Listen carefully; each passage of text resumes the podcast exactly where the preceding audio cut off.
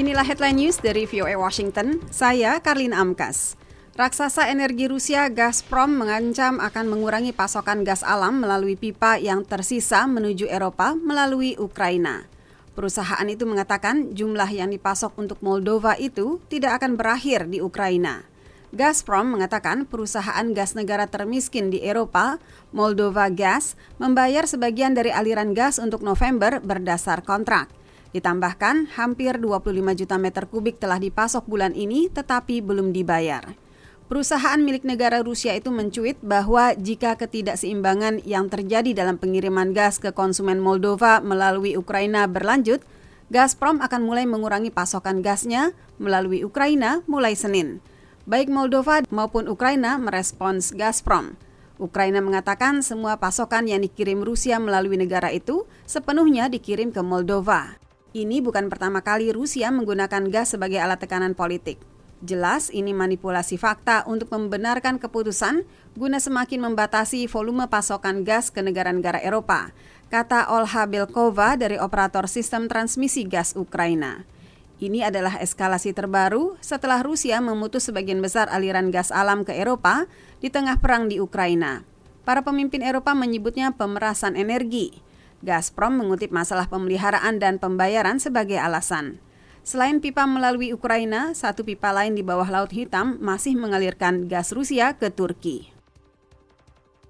Enam mantan eksekutif surat kabar pro-demokrasi Hong Kong yang kini sudah tidak beroperasi lagi, selasa mengaku bersalah atas tuduhan kolusi berdasar Undang-Undang Keamanan Nasional yang telah membungkam dan memenjarakan sebagian besar suara oposisi di bagian selatan Tiongkok.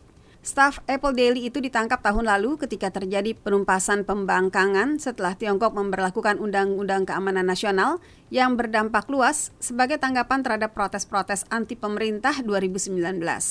Keenam staf surat kabar itu didakwa melakukan konspirasi untuk melakukan kolusi dengan pasukan yang membahayakan keamanan nasional.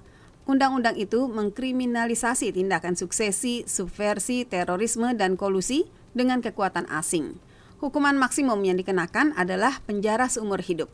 Tetapi keenam staf surat kabar itu diharapkan akan mendapat hukuman lebih ringan karena telah mengaku bersalah. Jaksa menuduh tiga perusahaan yang terkait Apple Daily juga terlibat konspirasi, yaitu sejak 1 Juli 2020, sehari setelah diberlakukannya Undang-Undang Keamanan Nasional, hingga hari edisi cetak terakhir surat kabar itu pada 24 Juni 2021 dalam Indeks Kebebasan Pers Dunia 2022 yang dirilis Reporters Without Border Mei lalu, Hong Kong berada di urutan 60 dari 148 negara yang dikaji.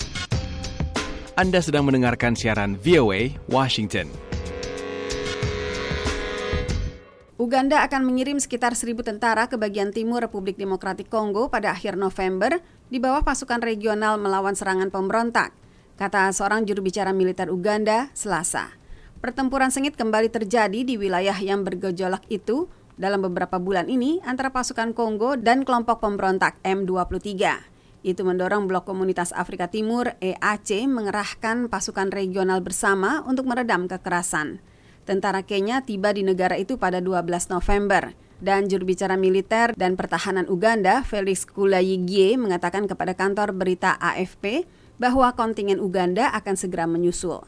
Kami akan mengirim sekitar seribu tentara dalam misi tersebut, katanya tanpa memberi tanggal pasti keberangkatan.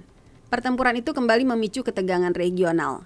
Kongo menuduh Rwanda, tetangganya yang lebih kecil, mendukung M23. Hal sama juga dikatakan para ahli PBB dan pejabat-pejabat Amerika dalam beberapa bulan ini. Rwanda membantah mendukung M23 dan menuduh Kongo berkolusi dengan FDLR, bekas kelompok pemberontak Hutu Rwanda yang dibentuk di Kongo, setelah genosida sebagian besar orang Tutsi di Rwanda pada 1994. M23, sebagian besar milisi Tutsi Kongo, telah merebut wilayah luas di Provinsi Kivu Utara. Perlahan mereka menuju kota utama di kawasan itu, Goma. Dua sumber militer Uganda yang tidak mau nama mereka disebut dan mengetahui masalah itu mengatakan kepada AFP bahwa Uganda telah mengirim tim intelijen, medis, dan logistik ke Goma untuk menyiapkan lokasi bagi penempatan yang direncanakan. Demikian headline news VOA Washington.